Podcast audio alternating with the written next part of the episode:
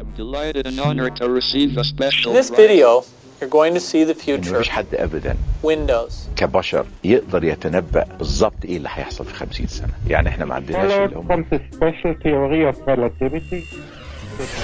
أكيد جالك يوم والمصطفى اللي بداخلك سألك سؤال بس ما لقيت له جواب. أو احترت إيش الصح. في هذا البودكاست بيسأل المصطفى اللي بداخلي سؤال وراح يبحث عن إجابته. بالمناسبة اسمي أحمد الشيباني. بس أعتقد أنك قابلت كثير مصطفى في حياتك. أو يمكن يا صديقي المستمع أنت مصطفى اللي دائما تحب تتفلسف. بودكاست مصطفى يسأل من كاسيت بودكاست. وين رايح؟ لا حول وين رايح وين رايح؟ رايح المريخ. أيوة المريخ. وايد سمعنا هذه الكلمة. لكن هل أنت فعلا شخصيا تعتقد أن بإمكانك أنك تسافر للمريخ؟ عشان تقضي إجازتك مثلا. حلقتنا اليوم عن السفر إلى المريخ. يلا نسأل. أدنى شك انه راح يجي هذا اليوم اللي نسافر فيه الشخص إلى المريخ وبيكون سهل جدا. أنا أقول مستحيل أن نقدر نسافر المريخ. لا في زمننا الحالي خليني أكون متفائل أو 100 سنة القادمة على أقل تقدير. في الوقت الحالي ما أتوقع أنه ممكن نحن نسافر إلى المريخ. نحن ما قادرين نسافر للدول اللي جنبنا فكيف نسافر للمريخ أعتقد إن السفر إلى المريخ بيكون عطلة آه، weekend الناس راح تمل بعد يعني تلقى لك مجموعة من الشباب يقولون كيف يا شباب آه، هذا ال weekend المريخ؟ خلاص يقول لك عاد ملينا يشوفون لنا كوكب ثاني. ممكن نحن نسافر إلى المريخ. بعد ما ننتقل من الحياة الدنيا يعني ننتقل من من الحياة إلى الموت. فهنالك في الموت ممكن يعني ننتقل ممكن يكون الانتقال من منطقة إلى أخرى من كوكب إلى آخر ممكن يكون سهل. فما نعرف. ننتظر ونشوف لحد ما نموت. هل ممكن نروح ولا لا؟ بعد البحث والتقصي فعليا في فئة من البشر تفكر بهذا الموضوع بشكل جدي. ما بس مسخرة وهزل وأول مكان ممكن نبحث فيه مهم. وكالة ناسا Mars used to have a vast ocean. Over two thirds of Mars used to have an ocean. It used to have a, a magnetosphere that would protect it, and it had a, a thick atmosphere. And at some point in the past, Mars changed. We need to understand what caused that. What is the history so that we can better understand our own planet. هذا صوت صديقنا الصدوق مدير وكالة ناسا جيم برندنشتاين. الحبيب يقول أن احتمال وجود حياة في المريخ في ازدياد وأكد على هذا في العديد من المؤتمرات. في الحقيقة هذا خبر عادي جدا ضمن كثير من الأخبار. لكن وأنا أبحث أدهشني خبر واحد من الشباب. إيلون ماسك الملياردير الأمريكي اللي كشف فيها عن خطته لتوصيل الإنترنت لكوكب المريخ ويخدم أكثر من مليون شخص. ماسك هذا تعهد بإرساله بحدود 2050 بوقت قريب صح؟ ماسك ما يتكلم عن إمكانية العيش فقط الرجال يتكلم عن إرسال عدد كبير من البشر وتوفير التكنولوجيا حالهم أول ما تفكر أنك تسافر تسأل عن طبيعة المكان اللي بتسافر له صح؟ وإيش ممكن أنك تاخذ معاك وأنت ورايح؟ كوكب المريخ حجمه يساوي تقريبا حجم يابسة الأرض يعني أوكي تمام لونه أحمر بسبب كثرة المعادن اللي فيه. وما أعتقد أن فيه مشكلة أو عندك حساسية من المعادن. وهو شبيه بالأرض من حيث وجود الفصول والمناطق القطبية. والبراكين والأودية والطقس وغيرها من هذه الأشياء الحلوة. الزملاء والعلماء توصلوا لشيء مهم جدا. بالنسبة لإمكانية العيش في المريخ. تتساءل وش هو صح؟ الماء. المية. بس كنا وقعنا في اليابس ولا جاب الماء. هي فعلا نسبة قليلة أو في الواقع قليلة جدا واحد بالمية مقارنة بكمية الماء اللي موجود في الأرض.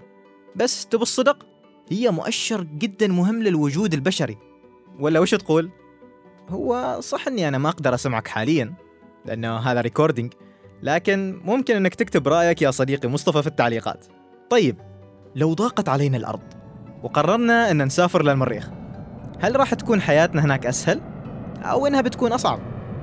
حسب التقنية المستخدمة حاليا السفر للمريخ راح يستغرق ما بين 40 إلى 284 يوم. هذا طبعا إذا كان بأسرع سفينة فضائية تنطلق من الأرض. تقريبا بنفس سرعة سيارتي. أمزح أمزح. سيارتي أسرع. هذه تكنولوجيا اليابان. أنا أعرف اليابان عدل. هذه الشركة شنو؟ شركة يابانية يا عدل. علماء ناسا ما قصروا. جالسين يحاولوا يستخدموا تقنيات أسهل وأسرع علشان توصل المريخ يا حضرة جنابك بسرعة. لأن ما معقولة نرجع نسافر مثل أيام الجاهلية. من مكان إلى مكان في شهور وسنوات. يحاولوا يستخدموا ذرات ضوء الليزر وذرات ضوء أشعة الشمس في دفع المركبة الفضائية إلى المريخ. بس آه، ما كان صعب ذا الكلام؟ بالعافية خلصنا من الفيزياء دقينا الذرات والبطيخ. عادي عادي. خلي عمرك فاهم. ترى أنا كذاك أسوي. أنت كمصطفى أكيد تعرف أن في شيء اسمه الغلاف الجوي غلافنا الجوي مكون بنسبة 99% من الأكسجين والنيتروجين وهذا أحد أسباب الحياة في الأرض. أما في المريخ فهو مكون من غاز ثاني أكسيد الكربون. اللي نحن نطلعه في زفيرنا اللي يشكل 95% من الغازات الموجودة على سطح المريخ. علشان كذا ما توجد كمية كافية من الأكسجين.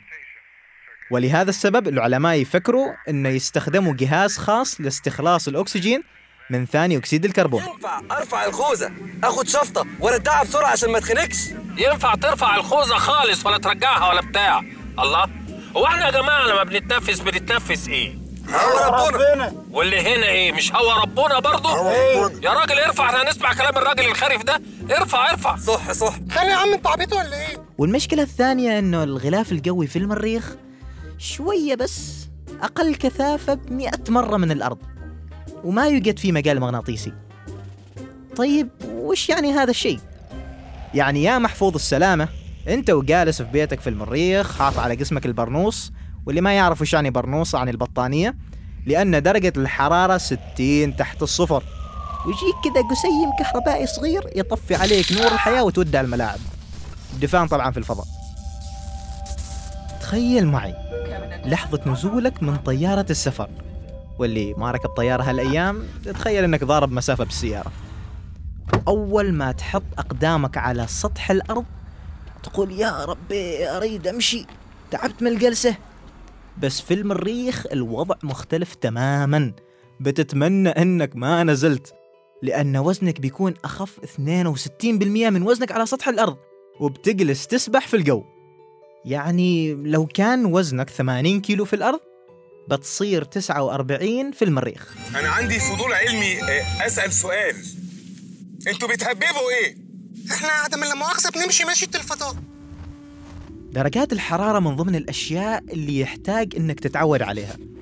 اللي تتراوح بين 153 درجة مئوية تحت الصفر إلى 20 درجة مئوية. 20 20 جو خريفي بحت.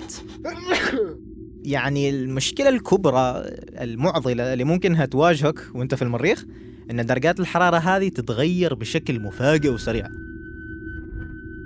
نمط الحياة في كوكب المريخ راح يختلف بشكل جذري تماما. راح نفقد الوجبات اللذيذة اللي تعودنا نحصل عليها في كوكبنا نفس العيش والبرجر. وتوفر الأكل راح يكون بنسبة 20% من احتياجاتنا لأنه ما شمي على سطح المريخ. We are approximately minutes away from the predicted time when the spacecraft telemetry would reach the ground station. Touchdown confirmed. We're safe on Mars.